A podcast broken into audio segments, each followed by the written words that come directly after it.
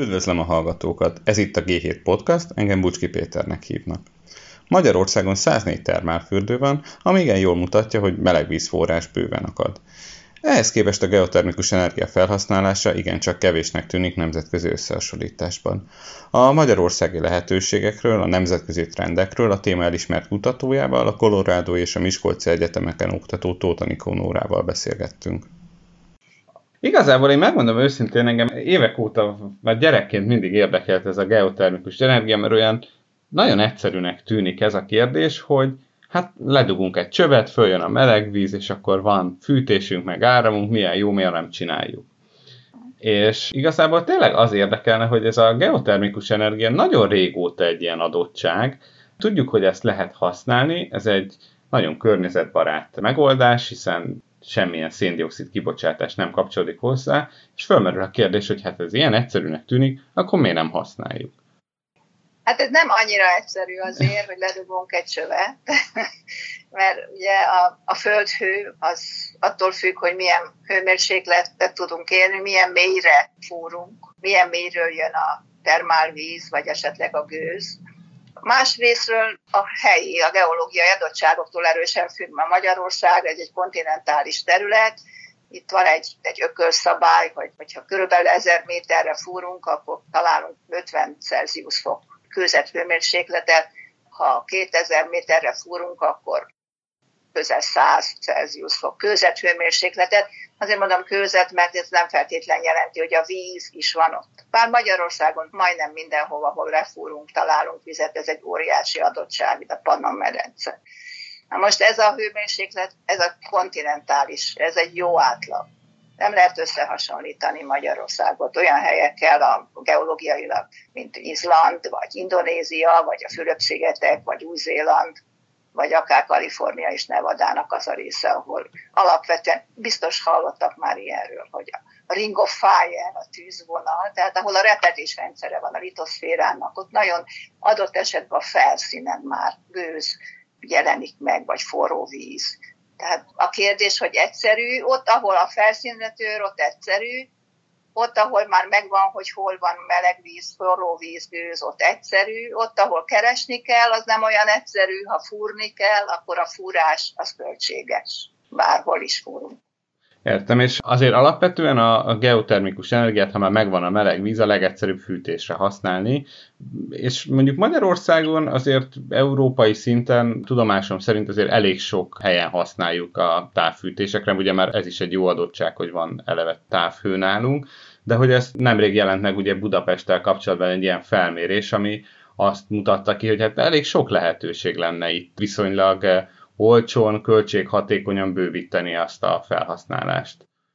Igen, alapvetően a termálvizet hasznosítjuk leginkább fűtésre, úgy mondjuk egy szakmailag, hogy balneológia, és az energetikai hasznosítása, a fűtés, ez nagyon kézenfekvő is adja, a melegházak fűtése is, és a házak fűtése is, és a távhő bevaló részvétel is. Ez nem új keretű dolog, az első távfűtőrendszerek azok az Alföldön jöttek létre Szeged és Hódmezővásárhely. Tehát amikor mondják, hogy az első geotermikus távfűtőrendszer Miskolc, ez nem így van. Annak a cégnek, aki csinálta neki az első biztos, de Magyarországon szerencsére több mint 20 helységben távfűtés, geotermikus célú, és nagyon jól mondta, tehát erre nagyon jól lehet használni Budapest viszonylatában újszerű, hogy a távfűtésbe használjuk. Ez a tanulmány, ami készült az Energiahivatal megbízásából, rávilágít, ez most már teljesen szabadon letölthető magyarul is és angolul is az Energiahivatal honlapjáról, tehát mindenki hozzáférhet, ez nagyon jó, és akkor az leírja, hogy alapvetően melyik azok a részek,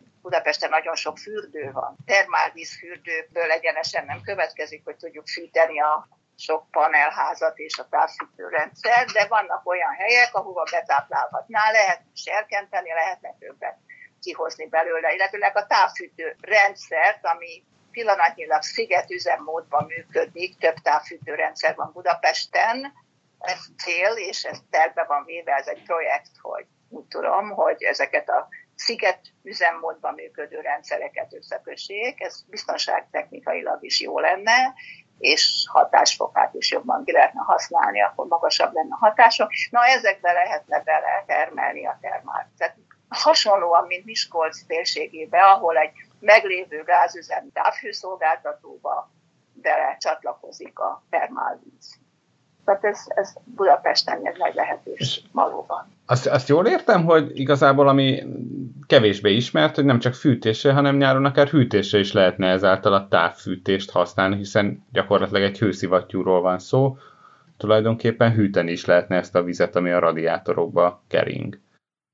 Hát egy kicsit keveredés van, tehát a amikor termálvizet termelünk, akkor az nem hőszivattyúzó különösebben, mert a termálvíz hőmérséklete magas adott esetben, és akkor az megy például itt Miskolcon, az megy a fűtő csövekbe, a vezetékekbe.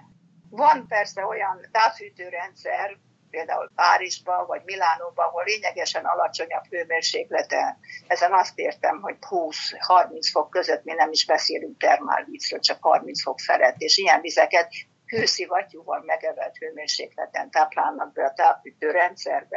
De a, a hőszivattyúval való hűtés az inkább az egyedi hőszivattyús rendszerekre, mint a távfűtő rendszerekre jellemző. Értem.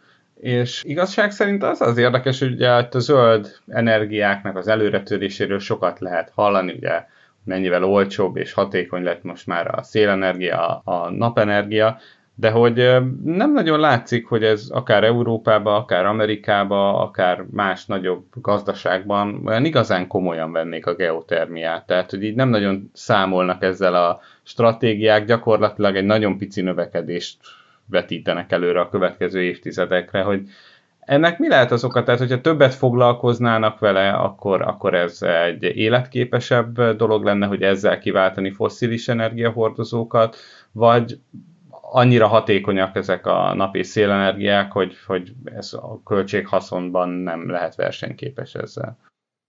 Most akkor azt hiszem, most jön a elektromos áramtermelés oldaláról nézi, ugye?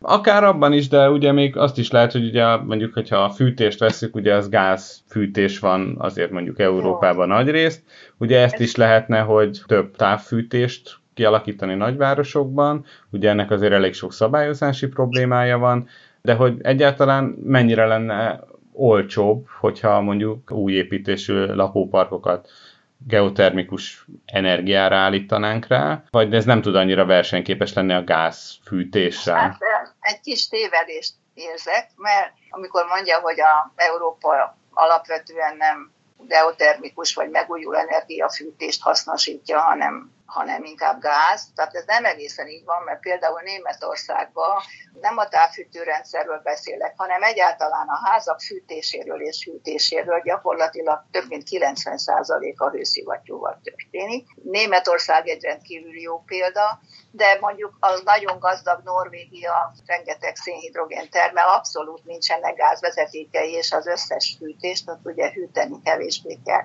Hőszivattyúval oldja meg, vagy, vagy Svédország is így oldja meg, vagy például Franciaországban, meg ahogy említettem, Olaszország, Milánó fűtés, ott viszont a termálvízzel, tehát hasznosítják ezt. Kicsit keverés van, hogy a termálvíz, vagy a hőszivattyús rendszer. A hőszivattyús rendszer alapvetően nem termel vizet, hanem az egy, az egy külön berendezés, és több lakópark van Budapesten is épült, nem akarok reklámokat mondani, mindegy, nagyon sok lakópark épül már most Budapesten is, és az ország több részén hőszivattyús rendszerre, földhőszivattyús uh-huh. rendszerre. És ez Nyugat-Európában még inkább. Tehát óriási támogatást is kapnak Nyugat-Európában az építkezések a megújulóra, kombinálják a nap elemmel való áramtermelést, a hőszivattyúval való hőtermeléssel, illetőleg a hűtéssel. Ebből következően majdnem nulla a fűtés számlány. Hát igen, de ugye, hogyha jól sejtem, akkor ezeket a rendszereket akkor éri meg igazán kialakítani, hogyha egy új építésű, alapvetően társas házakról van szó, családi háznál is megéri, de itt is ugye nagyon fontos az, hogy ezek már modern építésűek legyenek, megfeleljenek az energetikai szabványoknak, és hát ugye a fűtésről azért is érdemes sokat beszélni, mert, mert amikor széndiokszid kibocsátásról beszélünk, akkor kevésbé ismert, hogy azért mondjuk Európában így kb. az energiának a amit elhasználunk a fele, az fűtésre és hűtésre megy el. Nagyon, nagyon nagy piac a, a fűtés és a hűtés. Hát mi is fűtünk itt közel hat hónapig, és utána egyre inkább a, a légkondicionálás is megy két hónap. Régebben nem így volt, de manapság már szinte elképzelhetetlen egy épület, mondjuk egy hivatalos helység, vagy egy bank, vagy egy pláza fűtés nélkül. Tehát hűtés, fűtés együtt, ez, ez 8 hónap, rengeteg, ez nagyon nagy, nagy összeg. Tehát ez egy nagyon nagy piac, és nagyon-nagyon fontos. Alapvetően a hőszivattyú az, a hőszivattyúzás, és ennek nincs sok köze a termálvíz termeléshez. Uh-huh. A hőszivattyúzás az, ami Nyugat-Európában, az USA-ba is megy. usa nagyon-nagyon olcsó az energia hordozó, a fosszilis. Ott alapvetően akik megújuló, illetőleg mondjuk hőszivattyú, napkollektor, az inkább a tisztaság miatt, ahogy említette, a széndiokszid kibocsátás csökkentése, ez a cél, hogy tiszta energia legyen, nem annyira az ár. Európában sokkal inkább az ár, főképp azokban az országokban, ahol nincs saját fosszilis energiahordozó, vagy saját energia, venni kell, kiszolgáltatott, mert vásárolni kell. Tehát, de nagyon elterjedt. Magyarországon is kezd, de sokkal lassabban. Sokkal lassabban. Igazándiból nincs elég információ se hozzá. Ja. Nincs elég szakember hozzá. Hát igen, ez egy elég összetett terület, ahol a piaci szereplőknek, a lakosságnak és az államnak kellene egy olyan közös együttműködésre törekedni, ahol együttesen lehetne a közös klímacélokat elérni. Talán akkor az áramtermelésnél nagyobb esély van, ahol kevesebb szereplő van, mert ott ugye a szabad piacon lehet értékesíteni a megtermelt áramot, tehát akkor azt gondolhatnánk, hogy itt kisebb koordinációs kötelezettség van, és hát akkor jobban meg lehet ezeket a dolgokat szervezni. Ez így van, ahogy mondják, az áram geotermikus alapú, én most arról beszélek még inkább az a szakmám, a geotermikus alapú áramtermeléshez, ahhoz magas entalpiájú, ezen azt értem, hogy nem csak magas hőmérséklet, hanem a hozam, amit termelünk, ennek magasnak kell lenni.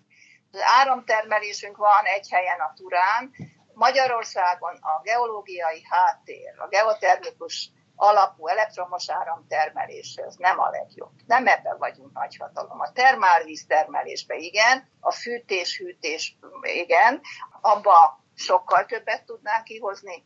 Áramtermelés, ez nagyon szépen hangzik, hogy termeljünk áramot, nagyon igazándiból termelhetünk, de ez nem lesz egy alternatíva az áramtermelésre Magyarországon, csak egy mellék, mellékes. Tehát kevés hozzá a hőmérséklet és a hoza.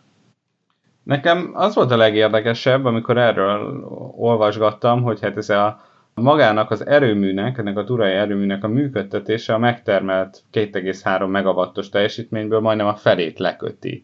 Tehát, hogy itt elég sok energia kell ahhoz gondolom, hogy ilyen nagyon nagy mélységbe sikerüljön a vizet Mm, kivenni, aztán pedig ugye vissza is kell préselni a, a vonatkozó jogszabályok alapján. Nem ez adja a hatásfokának a csekészségét alapvetően. A kútak megvoltak, ott van három termelő, kettő termelés, egy visszasajtoló.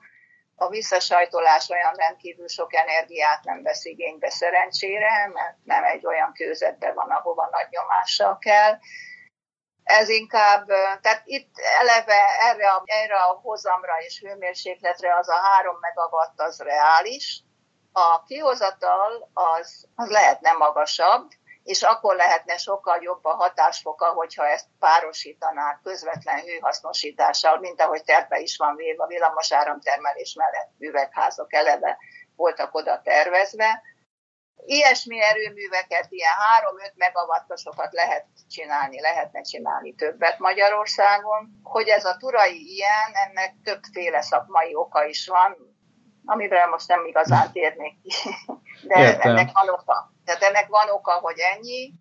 Nem mindig a legegyszerűbb és legolcsóbb megoldás a legjobb hosszú távon.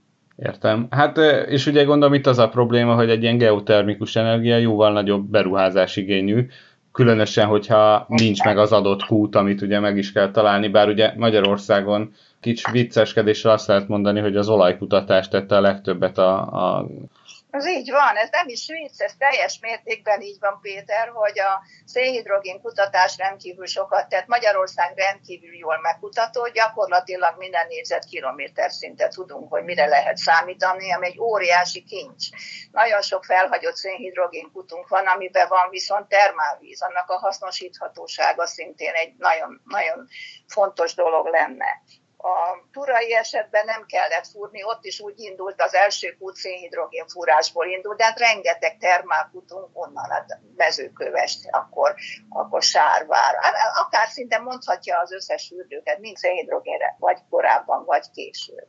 Tehát ez egy nagy kincs, hogy ismerjük, mert egyébként a kutatás és a feltárás az rendkívül költséges. Tehát nagyon sok kutunk van, amit használhatnánk. Maga a kutatás is költséges, a kútfúrás is költséges, ezek még kutak, hát 1900 méter, meg 1800 méter, tehát egy ilyen kutat megfúrni, ez nagyon jelentős, de ezek meg voltak. Értem.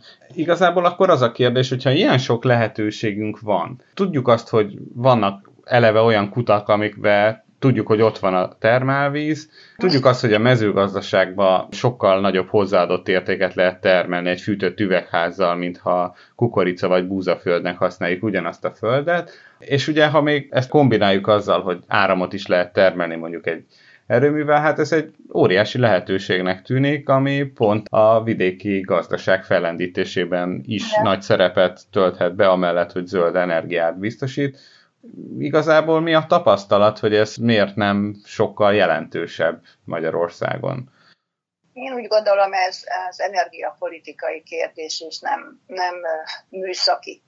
Tehát ez így van, ahogy mondta, nagyon sok lehetőség van. Nyilván nagy beruházásokat igényel, vannak induló és reményteljes projektek, pont a vidéki projekt, ahol a mezőgazdaságot, a, mezőgazdasági hasznosítást és a energetikai, a fűtési hasznosítást, és tudom, van is most már megnyert pályázatok, ez politikai kérdés különben. De akkor jól sejtem, hogy ehhez tulajdonképpen támogatásra lenne szükség, tehát hogy, hogy ez piaci alapon azért önmagában nem tud elindulni, tehát hogyha lennének olyan sikeres projektek támogatásokból, amik esetleg lehet alátámasztani, hogy ez üzletileg egy jó dolog, az kellene ahhoz, hogy nagyobb nagyságrendben ez elindulhasson. Egyértelműen, egyértelműen támogatás nélkül nem megy, ez lehet hazai, uniós, bármilyen befektető. Azért is készültek ezek a tanulmányok a Magyarország geotermis felmérése, vagy a budapesti angol nyelven is, hogy esetleg külföldi befektetőnek is érdekes lehet, hogy tudja olvasni és látni. Feltétlen támogatás, sok pénz kell hozzá, ez egyértelmű ha már itt a külföldiek is szóba kerülnek, mit látunk a világban? Hol van az? Mert én mondjuk Izlandról lehet tudni, ugye, hogy ott nagyon aktívan hasznosítják, de hát ott nagyon különlegesen jó feltételek vannak, még Olaszországban és Törökországban vannak geotermikus erőművek nagyobb nagyságrendben, meg hát ugye fűtésre is mondjuk használják a, a vizeket azért más országokban, tehát honnan lehet tanulni, mik azok a jó példák, amik esetleg Magyarország számára is követendők lehetnek? Igen, hát jól említette, mindig, mindig Izlandot, Izlandnak nagyon jó az úgynevezett PR-ja. Tehát nem Izland a legelső, elektromos áram termelésben Izland a sokadik, de azért is van, tudna sokkal többet, mert nincs nagy populáció, tehát nincs szükségük több áramra. Lehet tanulni, igen, lehet tanulni. Áramtermelésben a legnagyobb termelő az USA, de ők is szerencsés helyzetben vannak, mert a Szent András vonalon lévő törésvonalnál ott gőz, száraz gőz termelnek, és egy olyan erőmű, ahol a a száraz gőz a kútból jön, és egyből tud menni a turbinára, ilyen mondjuk Izlandon is van, és ilyen van a Fülöp-szigeteken, és ilyen van Indonéziában több helyen, ez végtelenül olcsó. Tehát arra már csak egy erőművet kötelni semmi, ott van a, ott van a gőz. Tehát a legnagyobb, a legtomos áramtermelők, vannak szuperkutak, van olyan kút, ami egyetlen kút, Fülöp-szigeteken 500 megawattot termel, egyetlen kút, hatalmas, száraz gőz jön. Ezeket nem lehet Magyarországhoz.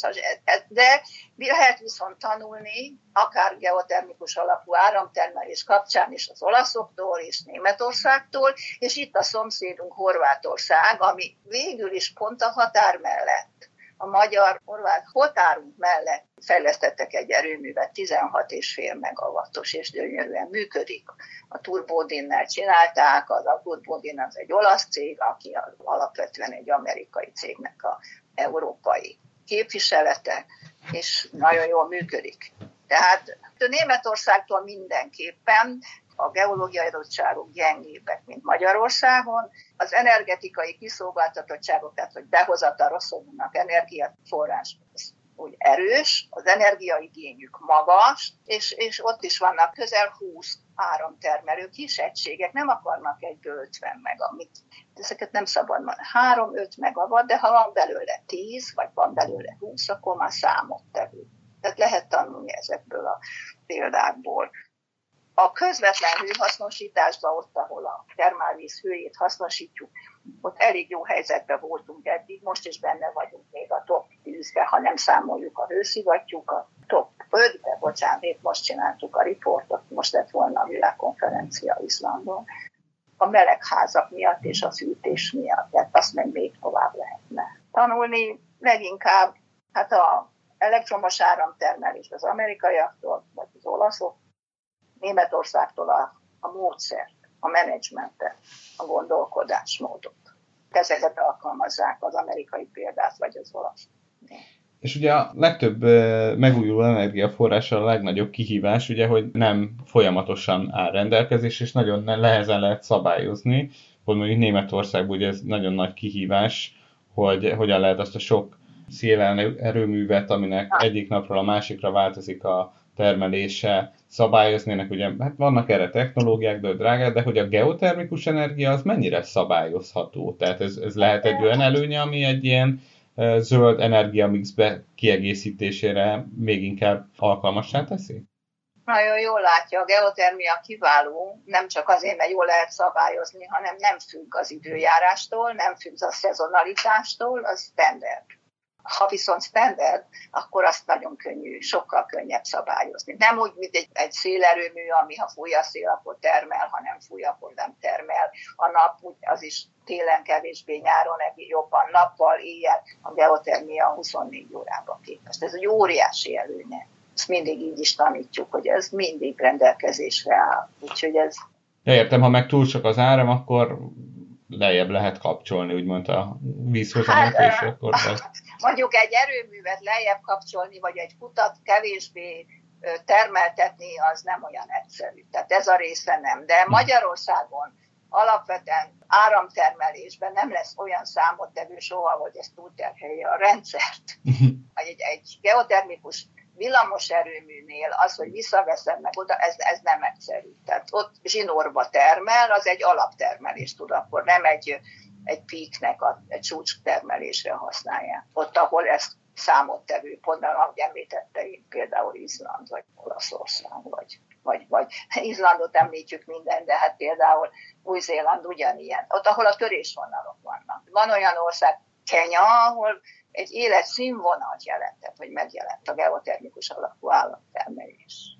Ez fantasztikus volt, mert villanyáram se volt, és ezt csinált egy, egy csomó infrastruktúrális javítást. Értem. És mondjuk, ami nagyon érdekes kérdés, hogy Európában azért a környezetvédelmi szabályok általában a legszigorúbbak a világon, és ugye itt a geotermikus energiánál is a fő kérdés, hogy ugye ami kijön a kutakból víz, azzal mit lehet csinálni, mert a visszasajtolás hogyan zajlik, ennek milyen költségei vannak, milyen előírásai vannak, hogy ez mennyire különbözik más országoktól, például ez lehet egy ilyen nehézség vagy drágító tétel Európában? Igen, hát Európában valóban úgy van, hogy a kitermelt évizet, ha gőz lenne, akkor azt alapvetően visszaszokás sajtolni, nem feltétlen mindenhol. Például Olaszországban, Ladarelóba termelik a világon, ők a harmadikok áramtermelésbe geotermikus alapú, és nem sajtolnak vissza semmit, egyszerűen elmegy a gőz. Na, de Magyarországon alapvetően, és Európában nem ez a jellemző, hanem a kitermelt hévízet, visszasajtolni. A visszasajtolás természetesen költséges, nem mindig nagy költségű. Az egyik költségtényezője, hogy kell hozzá visszasajtoló kutat, kutakat fúrni, és maga a fúrás az nagyon nagy költséget jelent. A visszasajtolás, a visszapumpálás is attól függ miben, ha egy homokkőbe, akkor az nehezebb, hogyha például itt Miskolc máj kis tokaj, ahol vannak a termál, víztermelő és visszasajtolók utak, olyan szerencsés, hogy egy repedezett főzetbe egyszerűen gravitációval vissza Tehát itt megint attól függ, hogy milyen a geológia. Ha szerencsés, ha a kristályos repedezett kőzetből termel, és oda sajtol vissza, akkor a visszasajtolás nem igazán nagy energiaigényel bír. Kell kút hozzá nyilván, de az akkor egyszerűen visszamegy. A visszasajtolás nem csak azért kell, mert zöld, és hogy maradjon tiszta, hova tesszük. Az a víz nagyon sokszor olyan összetételű, mint egy tengervíz, tehát nem engedhetjük bele a patakjainkba vagy a folyókba. Ez az egyik oka, a másik oka az, hogy a rezervuárnak, a tárolónak a nyomását fönn kell tartani, a tároló kimerül, ez is ki tud merülni, el tud fogyni. Más, mint a szénhidrogén, ugye, mert amit kitermelünk szénhidrogént, azt elégetjük, és kész. Az oda nem megy vissza, de a víznek nem a víz tartalmát hasznosítjuk, hanem a hő tartalmát, és utána, ha a hőtartalom hasznosítva van, akkor a vizet vissza tudjuk sajtolni, és újra tudjuk hasznosítani. Hanem a sajtolás az nem mindig olyan nagyon kemény munka.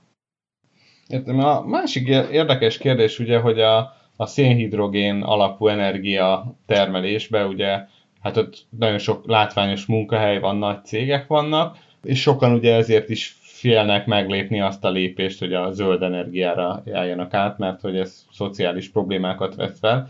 És a geotermikus energiánál, akár a fűtésnél, akár a áramtermelésnél, ez mennyire tud új munkahelyeket létrehozni, vagy pedig a másik, hogy ez mennyire tud ebbe a hazai ipar bekapcsolódni, hogy ez mennyire olyan berendezések, amiket importálunk, gondolom Németországból, vagy nyugati országokból, vagy vannak erre magyar cégek is, akik specializálódtak ebbe az iparágba igazándiból ez a, nem a munkahely teremtő része az energiatermelő. Egy, egy, egy, egy erőműben nem sok alkalmazottra van szükség, ott tudnak olyan annyira automatikus, hogy tehát egy geotermikus alapú villamos erőműs gyakorlatilag nincs is ott ember nagyon. Tehát, vagy itt is, a, ahol a hőtermelés folyik, nem, nem szükséges. Tehát ez nem teremt. Az a része teremthet munkahelyet, hogyha hasznosítjuk a a termálvizet mondjuk a mezőgazdaság számára, akkor a mezőgazdasági hasznosításhoz, vagy valamilyen más ipari hasznosításhoz, ott nyilván szükség van emberi munkaerőre. Tehát ilyen szempontból nagyon jól lehetne hasznosítani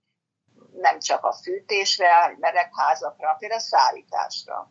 Az egy nagyon energiaigényes aszalásra, terményszállításra. Tehát ez a része ad munkalehetőséget, nem maga az energiatermelő erőmű. Mi volt a másik kérdés? Hát, hogy a magyar cégek mennyire tudnak igen, ebben a... Igen, na most erőműgyártóban nyilván nem magyar cégek, de a hőszivattyúzásban nagyon tudna a magyar ipar hasítani, mert igazándiból a hőszivattyú nagyon drága berendezések, nagyon drágán árulják, de nem egy nagy valami. Egy hűtőgépgyár is tudna, ezt sok évvel ezelőtt leírtuk már, hogy akár hűtőgépgyár tudna a hűtőgéppel teljesen azonos energetikai folyamatok zajlanak, tehát lehetne gyártanunk hőszivattyúkat, és ez erősen befolyásolhatná azt, hogy mennyire nagyon drága, ha összehasonlít, például egy új ház, és akkor csinálják az energetikai ellátását, és akkor egy gázkazán, az megvan, hogy milyen áron lehet kapni tólig, drága, de valami. Ha egy hőszivattyút akar venni, az nagyon sokszor ötszöröse annak és akkor meggondolja, hogy te jó Isten, fúrnom kell, az pénz, a hőszivattyú maga sokkal drágább, a hozzávaló szakember sokkal kevesebb, és nem csinálja. De ha lenne olcsó hőszivattyú, hogyha lenne magyar hőszivattyú, igazándiból, amik hőszivattyúk vannak, többnyire így, ahogy említette, Németországból jönnek, de Németországban nagyon sok hőszivattyú érkezik Kínából, hát ők azonnal ugye mindent gyártanak, és hőszivattyút is kezdtek gyártani, és gyártják, ebbe a részébe tudna. Meg a szabályozás, tehát automatizáláshoz. Ezeket a részeket tudnánk Magyarország. Értem. Nekem még annyi ragadt meg csak, hogy ezt az aszalást is említette, hogy ezek olyan dolgok, hogy ha valaki azt gondolja, hogy aszalnia kell szilvát mondjuk, akkor alapvetően megkeresi a leggyorsabban megvalósítható technológiát ehhez, és nem biztos, hogy azon fog gondolkodni, hogy ez hosszú távon hogyan lehet megoldható, mondjuk fenntartható és akár olcsóbb energiaforrással. Tehát, hogy ebben is inkább az hiányzik, hogy a cégek ehhez egy útmutatást kapjanak, hogy aki Persze. ezzel szeretne foglalkozni. Az Igen, azt, én azt mondtam, de például a fa áru állítása, tehát például a bútorfa őrült összeg, hosszasan csinál, megvan, hogy hány százalék tart. Nagyon drága. Hát vagy például a terményeink, ha vásárolunk egy kiló sárga barack szezon van, akkor megvan, hogy mennyi az ára. Ha veszünk egy aszal sárga barackot, akkor 5 dekának annyi az ára, mint most neki. De az aszalás maga az hosszú idő, igen, nincs információ, hosszú idő, alacsony hőmérséklet, a szárítás, a faáru szárítás. Tehát megvásárolni a nyersfát, és utána azt szárítani, az egy de nagyon sok, nagyon sok részen lehet hasznosítani. Tehát ezek csak úgy említettem hirtelen. Például a elfolyó, amikor már semmire nem használják, akkor az hóolvasztásra is lehet használni. Senki nem nagyon propagálja, de például azokon az útvonalakon, például Svájcban, ahol nagyon veszélyes a hágókon is lejegesedik, azt mind becsövezték. Mivel csövezték be? A alagutak csorgalékvizékben, ami egy 8-10 fokos, az be van szépen, és nincs, nincsen jegesedés. Na most bizonyos helyeken, a városokban, ahol veszélyes, ott, ott is lehetne. Csak az elfolyó, az elfolyó víznek, például a fürdők elfolyó vízének hasznosítása. Értem, tehát mondjuk az Erzsébet hidat, meg a Szabadság hidat, azt mondjuk a Gellért és a Rudas fördőnek, ami most a Dunából folyik hát, víze. Például, azt igen. A igen, igen. De, de szóval vannak olyan pontok, ahol, ahol örökké probléma. Például a, a frankfurti reptérnek a kifutója egy hatalmas nagy terület, az télen soha, mindig le tudsz állni a repülő, nem fog megállni a hó rajta, mert be van csövezve, és az is hőszivattyús, csak egy csorgalék elfolyó víznek a tehát mint egy parlófűtés működik tulajdonképpen, de óriási dolog, mert mindig alkalmas a fogadásra. Hát sok-sok sok területe van. És végül csak annyit még esetleg, hogy Magyarországon mi az a konkrét projekt, ami mostanában látszik, hogy esetleg befutó lehet, és olyan szinten van az előkészítése, ami, ami még érdekes lehet, és nagyobbat szólhat. Hát vannak Magyarországon nevezett koncesziós területek, amiket arra jelöltek ki, hogy elektromos áramtermelésre is alkalmasak lehetnek, geotermikus alapú. Tudomásom szerint erre van érdeklődés, külföldi érdeklődő is, befektető is. Azon kívül a mezőgazdasággal kombinált a vidékfejlesztés és a vidéki távfűtés vagy fűtésrendszerek és plusz mezőgazdasággal kombinált úgy tudom, ott is vannak projektek, ami talán el fog indulni az éven. Nagyon szépen köszönöm.